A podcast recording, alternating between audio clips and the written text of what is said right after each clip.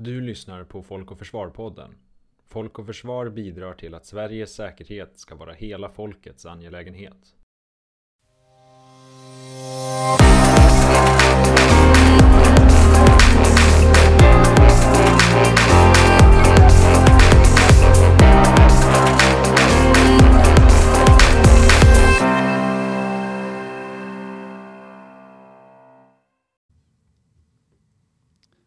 Varmt välkommen till Folk och Försvar-podden. Mitt namn är Sebelon Kalander. Jag är säkerhetspolitisk programansvarig hos Folk och Försvar. De senaste åren har Kina blivit allt viktigare för europeisk och svensk säkerhetspolitik. Och målet med det här poddavsnittet är att få fördjupade perspektiv om Kina som säkerhetspolitisk aktör.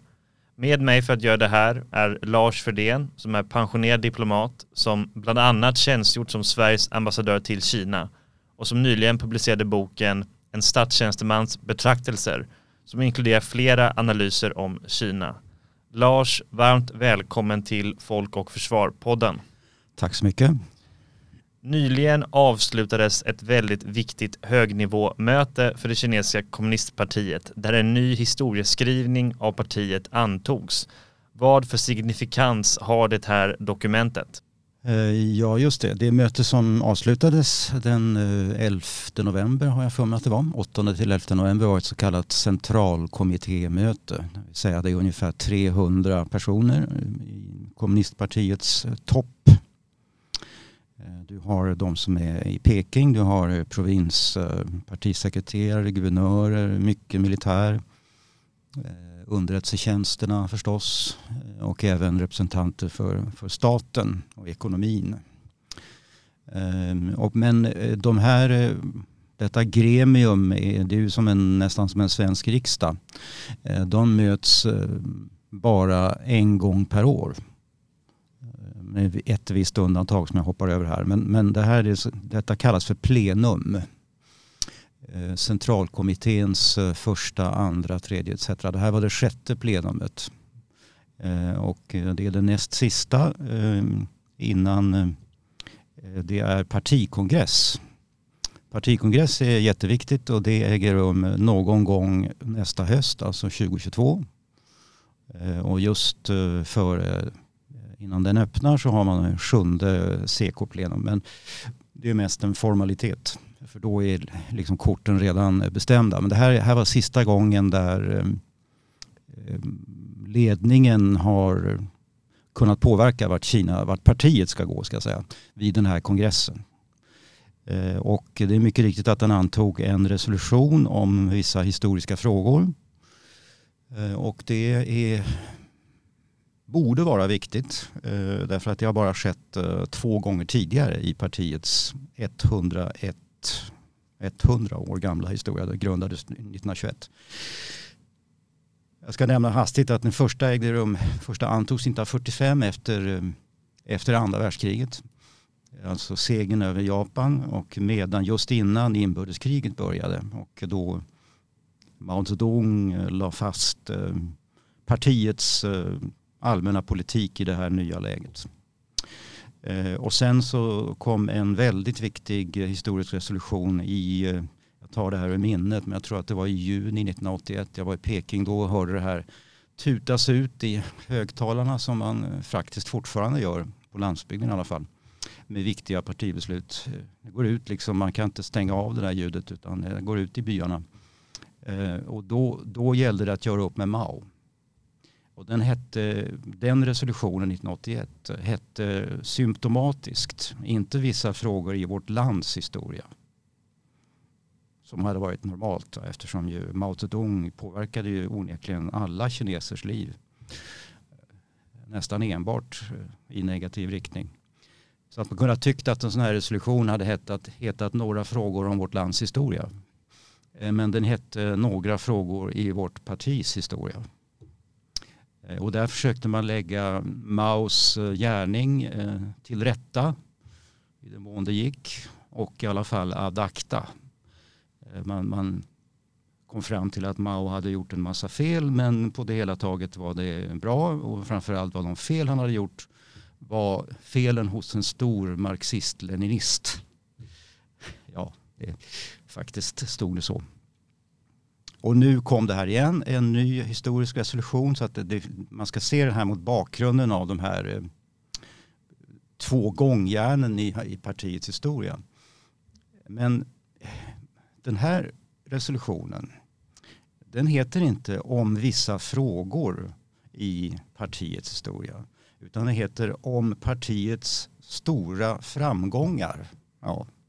Så det här, det här är en eh, triumfatorisk resolution som kort sagt går ut på att, eh, eh att partiet har gjort en enorm insats och eh, eh den nuvarande politiken är jättebra och eh, bör fortsätta och om den gör det kommer partiet och Kina att nå ännu större framgångar.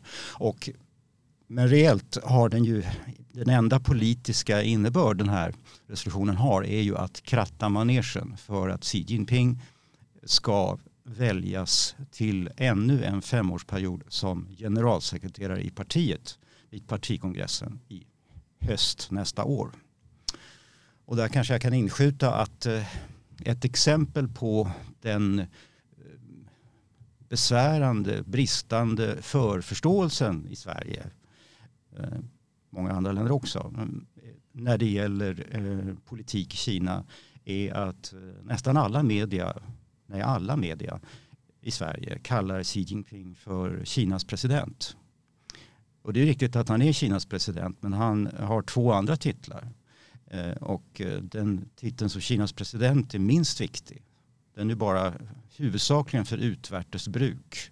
För att de här okunniga stornäsorna, eh, som utlänningar ibland kallas gaobids, ska, ska fatta vad det handlar om. Alltså att detta är Kinas ledare med stort L. Men alltså det viktiga, hans, parti, hans eh, maktposition kommer ju ur partiet naturligtvis. Så att det viktiga, riktiga tycker jag är att kalla honom för generalsekreterare i partiet. Och det är det han kommer att väljas om till nästa höst med 99 procent i säkerhet. Den andra titeln förresten, eh, som också, han har alltså tre. Och den andra titeln som är näst viktigast, det är att han är ordförande i centrala militärkommissionen. Det vill säga han är i själva verket eh, krigsmaktens ÖB. Och sen är han dessutom president. Vad är det främsta målet för kinesisk säkerhetspolitik? Det är nästan omöjligt att svara på därför att den svenska definitionen av säkerhetspolitik tror jag är en av de bästa är utav statsvetaren, han hette väl Nils Andrén. Va? Det är någonting i stil med att eh, det är summan av alla de medel som en stat använder för att trygga sitt, eh, sitt fortbestånd och sin samhällsmodell eller någonting sånt där. Eh, men partiets högsta, men om du frågar vad är partiets högsta mål? så är det att behålla makten. Naturligtvis. Och, jag kan illustrera det här genom att säga att eh, kort efter eh, CK-mötet, centralkommittémötet som jag redogjorde för här i början, de här 300 personerna, så hölls också ett politbyråmöte bara några dagar efteråt. Eh, politbyrån är en, eh, betyder den politiska byrån som är, väljs ur bland de här 300, 200 plus 100, ungefär 200 ordinarie, sen så är det suppleanter, ungefär 300 pers. Man väljer en mycket liten grupp som ska sköta de politiska frågorna. Politbyrå, det är en, det är en förkortning som går tillbaka till eh, sovjetiska bruket. Politbyrå heter det på ryska. Eh, och politbyrå heter det naturligtvis inte på kinesiska utan eh, kinesiskt uttryck givetvis. Och för närvarande är det 25 personer. De här träffas oftare. Man skulle kunna kalla dem för Kinas regering, skulle tycker jag nog.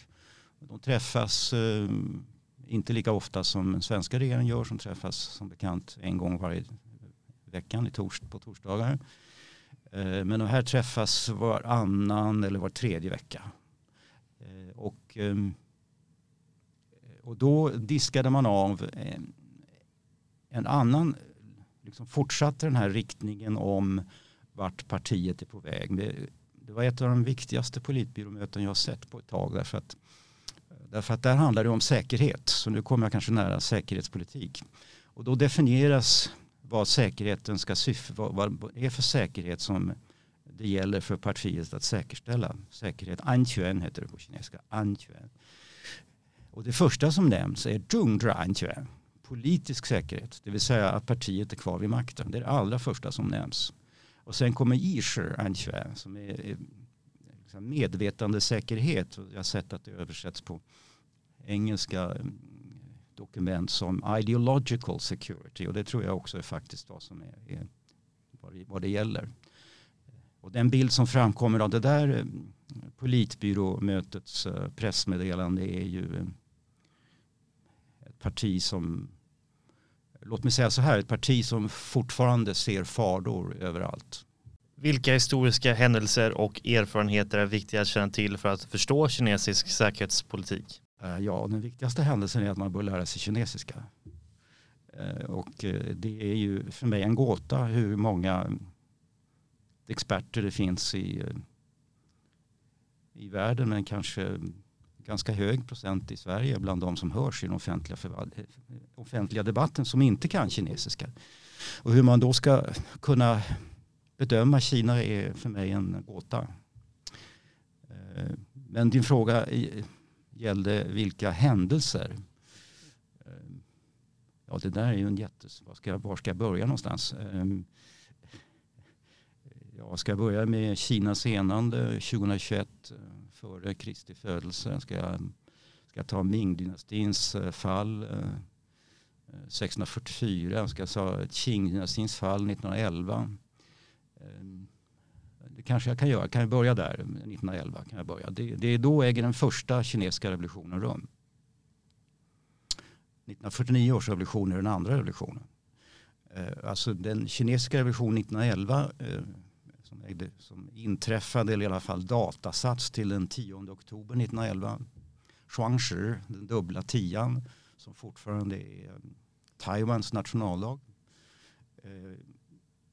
innebär eh, kejsardömets fall. Och det kan man verkligen kalla en revolution därför att Kina har haft kejsare sedan eh, ja, åtminstone sedan 221 eh, före Kristi födelse Eller för vår tideräknings början som jag brukar säga när jag tycker man Kristi födelse är på något sätt ovidkommande i kinesisk historia. Ehm, som jag nämnde som enade Kina. Ehm, och att alltså efter 2000, ja nästan, det blir nästan 2000 år så, så tar kejsardömet slut. Eller snarast, det kollapsar under sin egen svaghet. Det var en väldigt underlig revolution det här. Oblodig var den inte men det var framförallt en kollaps och inte en medvetet genomförd revolution. Den som gjorde det var Sun Yat-sen som anses vara eh, säga, den, eh, det republikanska Kinas, det som nu finns på Taiwan, eh, andlige fader. Eh, ett andligt faderskap som även kommunistpartiet på senare år har eh, eh, tagit in i sin sfär. Men sen, och, sen kommer, och sen kommer en annat, annat jätteviktigt datum. Eh, hoppar bakåt, jag, kunde, jag hoppade över det. Men i, i den kommunistpartiets historieskrivning finns det ett årtal som är vansinnigt viktigt. Och det är det första opiumkriget 1839 till 1842. Det anses vara början på eh, den kinesiska förödmjukelsen som partiet säger. Hundra år av förödmjukelser upplevde Kina enligt partiet. Och de slutar, dessa förödmjukelser slutar eh, 110 år senare när eh, kommunistpartiet har makten. Första opiumkriget var ett av många eh, imperialistiska ingrepp i, i eh, Kinas historia som kan hoppa över här nu. Men det var det, eh, det var, var det som ledde till till exempel att, att britterna fick Hongkong, eller snarare Hongkong Island i alla fall tillbaka till 1911 har jag då redogjort för och sen skulle jag också vilja i någon mån redogjort för skulle jag också vilja nämna eh, den japanska attacken 1937. Den fullskaliga japanska attacken, anfallet på Kina 1937. Japan hade tagit hela nordöstra Kina, eh, Manchuriet 1931. Men 1937 går man till totalattack mot hela det kinesiska fastlandet. Eh, och inleder då ett mycket grymt och oerhört kostsamt krig. Eh, och eh, som då slutar med Japans kapitulation i eh, augusti var det väl 1945. Och jag nämner det här därför att det är då, detta är, är lika mycket början på andra världskriget som spanska inbördeskriget som börjar 1936 och som ofta brukar nämnas då när man ska visa att man har en större överblick över historiens gång än vanligt folk så att säga. Då, då, sådana bedömare brukar ofta framhålla spanska inbördeskriget. Det var då andra världskriget egentligen började och inte 1939 med Tysklands anfall på Polen. Eh, men jag vill säga 1937 eh, därför att det här var ett eh, eh kriget i, i, eh, i öster var eh, oerhört kostsamt verkligen. Både för Japan och för, för den kinesiska civilbefolkningen. Och det, hör, det fördes eh, nästan uteslutande av nationalistarmén. Eh, kommunisterna var ju tillbakaträngda och eh, nästan utrotade bokstavligt talat utav nationaliststyrkorna innan japanerna attackerade och hade egentligen inte särskilt mycket tillfälle att utöva någon motståndskraft. Eh, detta jag nu nämner är helt på tvärs med den officiella kinesiska, alltså kommunistpartistiska eh, historieskrivningen. Men efter att ha försökt eh, lära mig om det här i nu snart 50 år så är det här min, den slutsats jag kommit till. Att eh, insatsen utav gerillakrigsinsatsen var väldigt, väldigt lite betydelsefull. Men lika fullt så har ingen annan än Mao Zedong framhållit i samtal med japanska företrädare någonstans 1970-talets början. När relationerna till Japan började tinas upp ungefär samtidigt som relationerna med USA började tinas upp ehm, så sa han till en japansk delegation som började sitt möte med honom med att be om ursäkt för alla grymheterna och som Japan begick eh, under kriget eh, mot eh, Kina. Eh, på ett väldigt, väldigt rätt karaktäristiskt Mao Zedongsk sätt sådär lite paradoxalt och avklarnat för att inte säga känslolöst säga nej nej ni behöver inte alls be om ursäkt. Om inte ni hade invaderat då hade inte vi fått tillfälle att samla folket omkring oss i de områden där ni attackerade även oss. Och eh, det är möjligt faktiskt. Eh, för att visst motstånd mot Japan eh, skedde, utövades ju utav, utav kommunistiska gerillatrupper. Och det där var nog det som gav partiet, kommunistpartiet en ny, ny liksom livsberättigande och faktiskt ledde i de områden man kontrollerade till ett eh, stöd av civilbefolkningen, vilket man tidigare eh, absolut inte hade haft. Så det var det och eh, sen hade vi då inbördeskriget som inleddes kanske 46, för mig 46 till 49 mot nationaliststyrkorna, mot kommuniststyrkorna och till allmän förvåning så vann kommunistpartiet.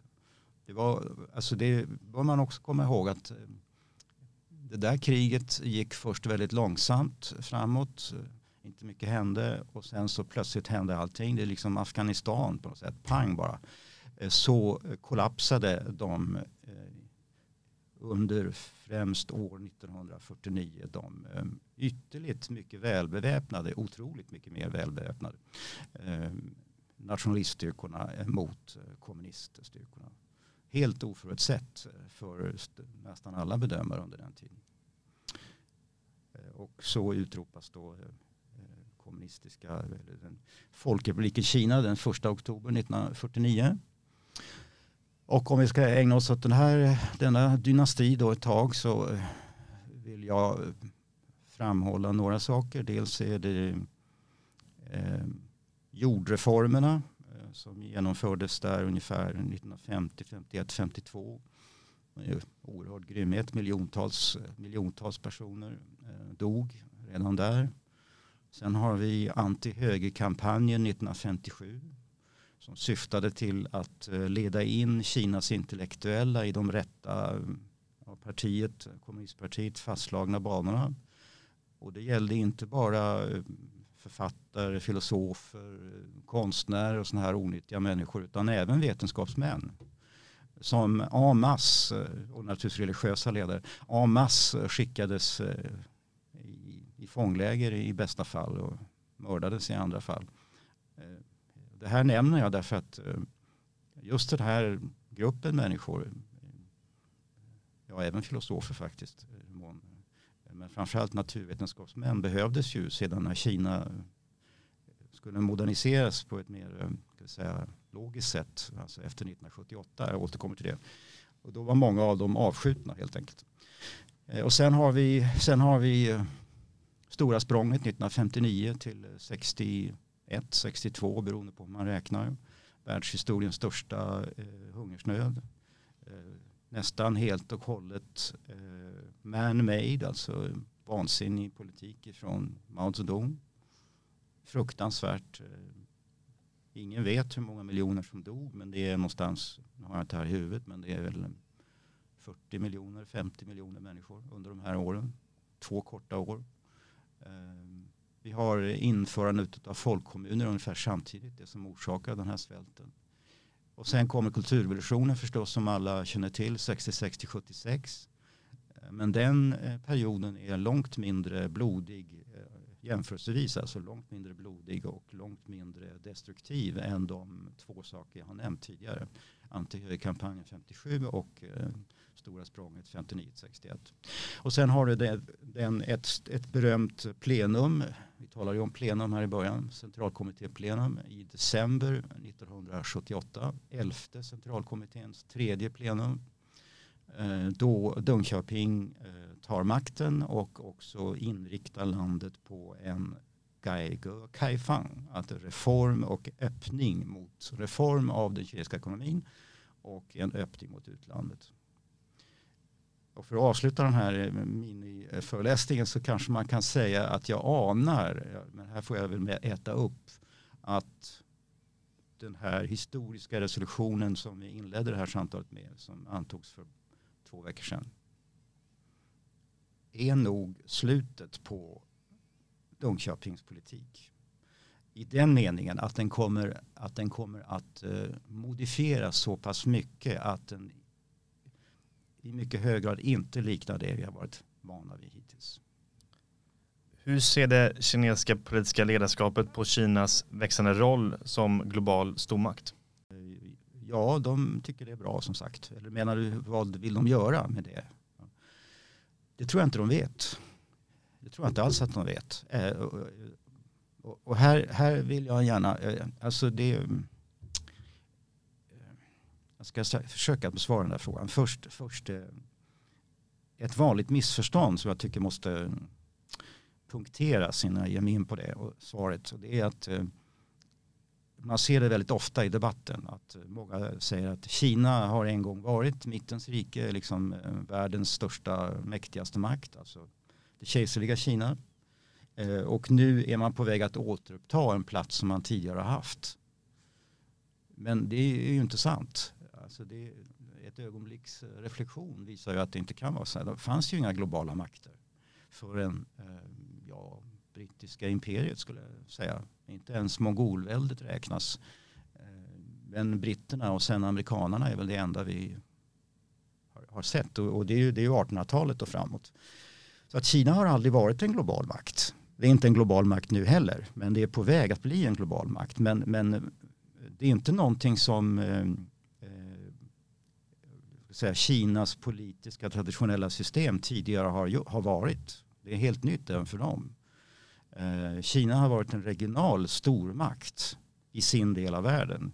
Den helt dominerande delen i sin del av världen, alltså i Asien, eller östra Asien, östra Asien ska jag säga. Eh, men vad de nu vill göra med sin ökade makt, det tror jag som sagt inte att de vet. Eh, jag ser vad Kinas åtgärder eh, utomlands, till exempel i den svenska opinionen. Alltså man,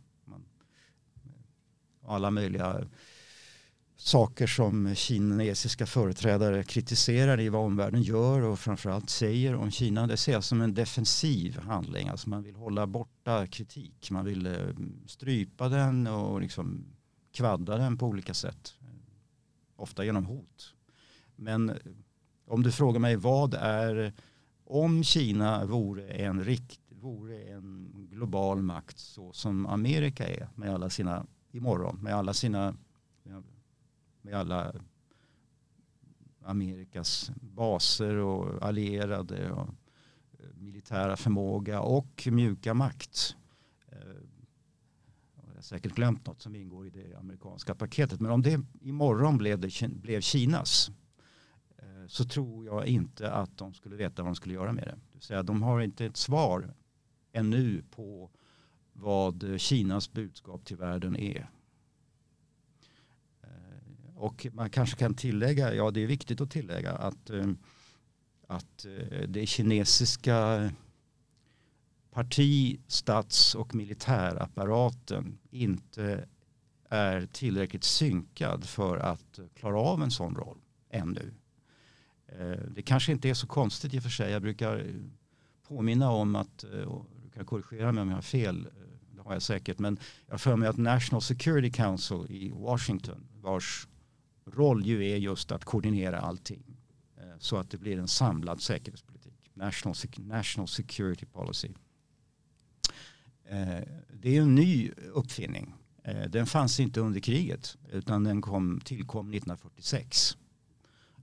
Då Amerika upptäckte eh, till sin förvåning tror jag eh, att eh, de var världens mäktigaste land efter kriget. Så det är inte så konstigt att Kina ännu inte har, de har ett National Security Council men det är det är mycket lite koordinerande enligt min uppfattning. Att de ännu inte har det. Och vad som också saknas är ju en kunskap om omvärlden. Jag brukar klaga på den eh, dåliga kunskapen i kinesiska och om Kina i eh, till exempel Sverige. Men, eh, men man kan också konstatera att Kinas kinesiska ledare som kan engelska, Kinas toppledare som kan engelska är ju ytterst få. Jag kan inte komma på mer än fem stycken och sånt där. Så Xi Jinping kan ju inte tala några utländska språk alls.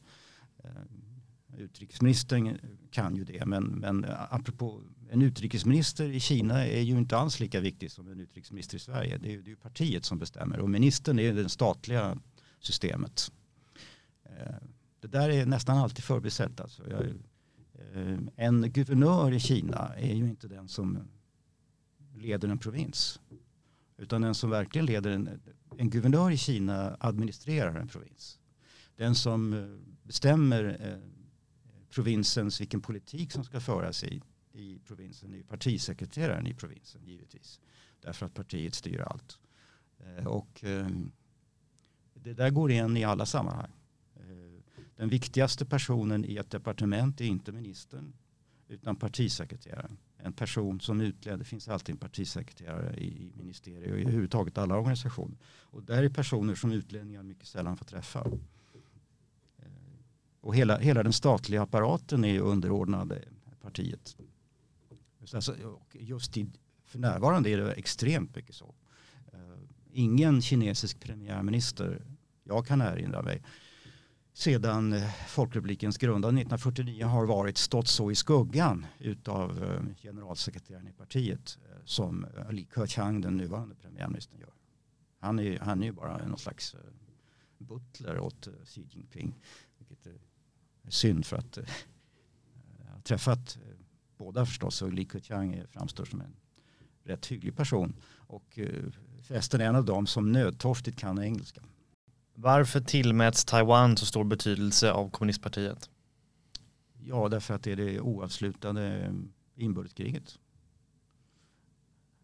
Och eh, eftersom eh, kommunistpartiet eh, har sanningen och eftersom det bara finns en sanning så måste denna motsanning den måste, den måste bort på något sätt. Det är teologiskt nästan. Det är det djupaste. Men eh, man kan också man kan ju också se det i vad ska säga, rent traditionella säkerhetspolitiska termer. Och det är klart att om det ligger en ö, ja, kort sagt ett ganska betydande säga, fast hangarfartyg där utanför, utanför Kinas kust. Och just utanför de mest utvecklade områdena i ekonomiskt utvecklade områden i Kina så är det, är det rätt besvärligt. Om man tänker bort den så kan man flytta eh, den kinesiska säga, militära eh, försvarsperimetern eh, eller om man så vill attackperimetern öster om Taiwan och hamnar ungefär i höjd med koreanska halvön. Och egentligen kan man ja, och snart Alltså om Taiwan skulle falla så skulle också Sydkoreas situation, säkerhetspolitiska situation bli grunden för det, men även Japans. Hur pass djupgående tror du att den rysk-kinesiska relationen är? Ja, det där är en älsklingsfråga för mig eftersom jag har tjänstgjort både i Moskva och Peking och ägnat mycket tid åt båda språken och båda civilisationerna. Och, um, det där beror ju på, glaset är halvfullt. Och eh, om man ska säga, eller det glaset är halvfullt, ja, eller, eller om det är halvtomt. Ehm, om man säger att det är halvfullt så kan man peka på allt fler gemensamma militära övningar, att de tyr sig till varandra i eh, storpolitiken, eh, träffar varandra otroligt ofta.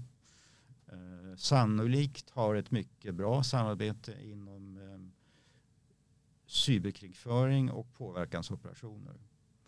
Eh, man kan peka på att ehm, eh, ryssarna åtminstone hittills sålt eh, krigsmateriel till Kina och de senaste åren också släppt på så vitt jag kan erinra mig all, nästan alla restriktioner som man tidigare hade. Det vill säga man sålde inte det allra bästa utan det näst bästa men nu säljer man i huvudsak även det bästa Eh, Eh, till Kina. Ehm, och man kan ju naturligtvis peka på att de eh, eh, båda två känner sig jag säger inte att detta är vad som motsvarar vad som faktiskt gäller men de båda känner sig utstötta ur det internationella samfundets huvudfåra. Och som jag sa, därför så tyr de sig till varandra. Och eh, det där är, är, väl egentligen den förklaring eller den syn som är den eh, som är vanligast idag i internationell debatt om det här. Motsynen eh, är, är ungefär så här att eh, ehm, eh, Kinas och Rysslands eh, relationer från 1600-talet då eh, ryska kosacker trängde fram till, eh, till eh, Stilla havet och fick kontakt med Qing-dynastin. Och fram till nu har varit väldigt mycket upp och ner och framförallt ner. Ryssland har varit, var under 1800-talet också en kolonialmakt. Stalin intervenerade massor av gånger i de kinesiska inbördeskrigen mellan nationalistkina och eh, kommunistpartiet och eh, inte konsekvent till kommunistpartiets fördel utan hans eh, huvudsakliga intresse eller enda intresse var att skaffa sig till att eh, det fanns en stark motpart till Japan i Kina han ville ha en livskraftig regim. Han brydde sig inte särskilt mycket om vilken det var. Så att ibland stödde han den ena, ibland stödde den andra och förrådde en den ena en den andra. Man kan peka också på förstås eh, det stora samarbetet kort efter revolutionen från 50-talet och fram till brottet i augusti 1960. Eh, stor överföring av kunskap och materiel och, och sådär. Eh, men sen har vi då brottet 1960 då man blir osams och vi hade ju till och med krigshandlingar, eh, inte särskilt omfattande men ändå hundratal personer dog. Eh, när var det nu? 1969 tror jag. Damasköarna i Manchuriet. Eh, och hela polemiken var oerhört intensiv mellan sovjetiska kommunistpartiet och kinesiska kommunistpartiet. Man tävlade om vem som var, skulle leda liksom, den kommunistiska rörelsen i hela världen. Um, och gränsfrågan som tog väldigt lång tid att lösa ut. Så att det där är, alltså det är det inte, har inte rått någon enastående vänskap mellan de här två. Det är ena, det är A, det är Exhibit A så att säga. Exhibit B är mera psykologisk. Och det är, eh, men jag hör till de som tycker att sådana här saker är mycket viktigare än, än många eh, konkreta och hårda fakta. Och det är att eh, har svårt, jag kan inte påminna mig att jag har träffat någon kines av betydelse, inte heller någon i min privata vänskapsskara som har några höga uppfattningar om ryssar eller, om ryss, eller bryr sig om ryssar överhuvudtaget. Detta är ju ett land som inte har lyckats. Och Kina, kineser överhuvudtaget är mycket intresserade av att lyckas. Och eh, Ryssland är ju en högst eh, svag ekonomi. De gör ju ingenting som någon vill ha utom råvaror. Eh, rymdstationer i och för sig gör de också och de är väldigt bra på klassisk ballett.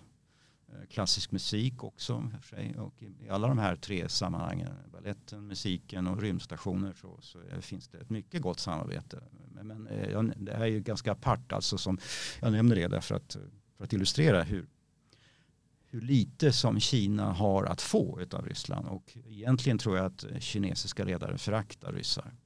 Föraktar ryssar därför att det är en, enligt dem en ganska mm, medioker kultur eh, som ligger bakom misslyckandet, ekonomiska misslyckandet. Därför att kulturen är liksom låhao som kineser älskar att säga, efterbliven. Eh, och eh, ryssar å andra sidan eh, är nog eh, mycket rädda för eh, Kinas tilltagande makt. Med rätta skulle jag säga. Därför att Exhibit C um, är att um, det här är ju ett förhållande som är väldigt obalanserat. Och det blir bara mindre balanserat för varje år som går därför att den kinesiska ekonomin är så oerhört mycket större hela Rysslands ekonomi är, när jag senast tittade på det, eh, motsvarar en kinesisk provins. I och för sig en framgångsrik provins, Guangdong-provinsen, men ändå. Eh, och eh, då kan man fråga sig varför Kina överhuvudtaget har de här goda relationerna med ett sånt eh, ganska misslyckat, eh, så misslyckad makt. Och skälet är att um, dels det här vi nämnde att det kan vara bra att ha andra utstötta att liksom, eh, ty sig till. Men framförallt ett annat skäl och det är ju att, att för, det finns nu inte längre något hot ifrån norr och ifrån nordväst och ifrån nordost som alltid har funnits i Kinas historia. Och det här är väldigt viktigt. Alltså det, som, det som händer gång på gång i Kinas historia är ju att eh, en dynasti eh, utvecklas, förfinas, Eh, Eh, tappar liksom den militära halten, eh, blir för civiliserad kan man säga. Och sen så rullar det in, eller galopperar det bokstavligt, galopperar det in eh, eh, horder utav eh, eh, ryttarfolk ifrån nordöst, norr och nordväst över de enorma grässtäpper som finns där. De är fullkomligt fantastiskt stora och just lämpade för kavalleri attacker. Och sen så rasar dynastin samman. Och det här, och så man börjar om igen. Eh, och eh, detta hot finns för första gången inte i kinesisk historia genom denna vänskap inom citattecken mellan Kina och Ryssland. Det tror jag är det viktigaste för, för ryssarna. För kineserna menar jag. Som en kort sista fråga. Eh, hur kan Sverige bygga upp Kina-kunskap för att på så sätt Eh, Eh, få optimala förutsättningar att utforma vår säkerhetspolitiska hållning visavi Kina? Ja, det är klart vi kan om vi bestämmer oss för det. Eh, men det kräver ju eh, det kräver ju att folk lär sig kinesiska. Tillräckligt många lär sig kinesiska. Och lär sig tillräckligt bra kinesiska.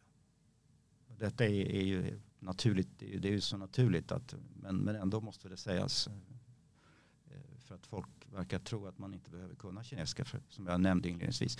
Och där tror jag inte att det civila utbildningssystemet i Sverige idag förmår leverera den produkt man behöver.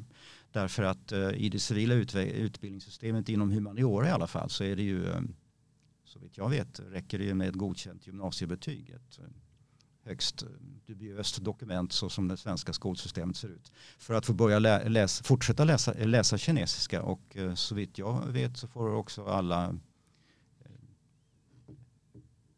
Ja, om man blir underkänd i en skrivning får man ju börja om. Liksom. Det, så där kan det inte gå till. För kinesiska är nämligen ganska svårt. Eh, därför att det är tecken och minnes och för att grammatiken är så helt annorlunda och eh, Även det semantiska förrådet är också helt annorlunda. Men framförallt det grammatiska tänket är annorlunda. Eh, och det där det kräver intensiv inlärning. Och det tror jag som sagt inte. Och det är höga krav. Och det innebär att man måste ha, måste ha krav. Måste, kan inte anta alla som söker utan man tar bara de som där det finns utsikter att det ska gå bra och sen måste man avskilja elever ifrån utbildningen när de inte håller måttet så att de andra inte eh, försinkas. Och eh, det är därför jag har föreslagit för eh, militära högkvarteret att det heter väl så du som är, heter det högkvarteret va, på Lidingögatan, Lidingövägen. Att, att eh, det ska bli en militär utbildning i, eh, i kinesiska. Eh, därför att militären har erfarenhet av just den här typen av elitutbildningar. Det gäller fallskärmshoppare och fjälljägare och alla möjliga sorter. Det är liksom en osentimental inställning och det är det vad jag tror behövs. Sen ska, precis som skedde med den ryska militära tolkskolan när man undervisade i ryska från 1957 och framåt så, så, så är det bara bra om eh, bara en minoritet av de som eh, går ut den där utbildningen fortsätter inom Försvarsmakten. Då, då sprider sig de andra i, i hela samhället och blir journalister och blir näringslivsledare och, och eh, politiker också gärna. Så att då ökar förförståelsen. Jag tycker att förförståelsen när det gäller Ryssland är ganska hög i Sverige. Och eh, förklaringen är den militära tolkskolan eh, enligt, enligt min uppfattning. Eh, huvudsakligen i alla fall. Och den här skolan ska leverera i alla fall under några år så, så hoppas man att några som går där eh, fortsätter inte bara till försvaret utan också till FRA och till, till Säpo. Alltså vi kan inte påverka Kina, nästan inte alls påverka Kina. Men vi kan försvara oss och det där tycker jag inte vi har gjort. Vi har ägnat massor av tid åt att främja Sverige i Kina. Det var, en, det var ju vad jag gjorde på instruktion som ambassadör. Svenska lösningar och svenska företag och den, taget den svenska samhällsmodellen. Och, eh, det gör ju visst intryck men Kina är ju vansinnigt stort. Eh, och hur som helst så tycker jag att vi var så inriktade på att främja att vi glömde att försvara oss. Det är som ett fotbollslag som har haft fantastisk eh, kedja där längst fram med målspottare men ingen målvakt. Lars, tack så mycket för att du delade med dig av dina insikter om Kina. Till våra lyssnare vill jag tipsa om att fortsätta följa Folk och Försvar-podden för framtida avsnitt om angelägna frågor inom säkerhetspolitiken. Tack så mycket.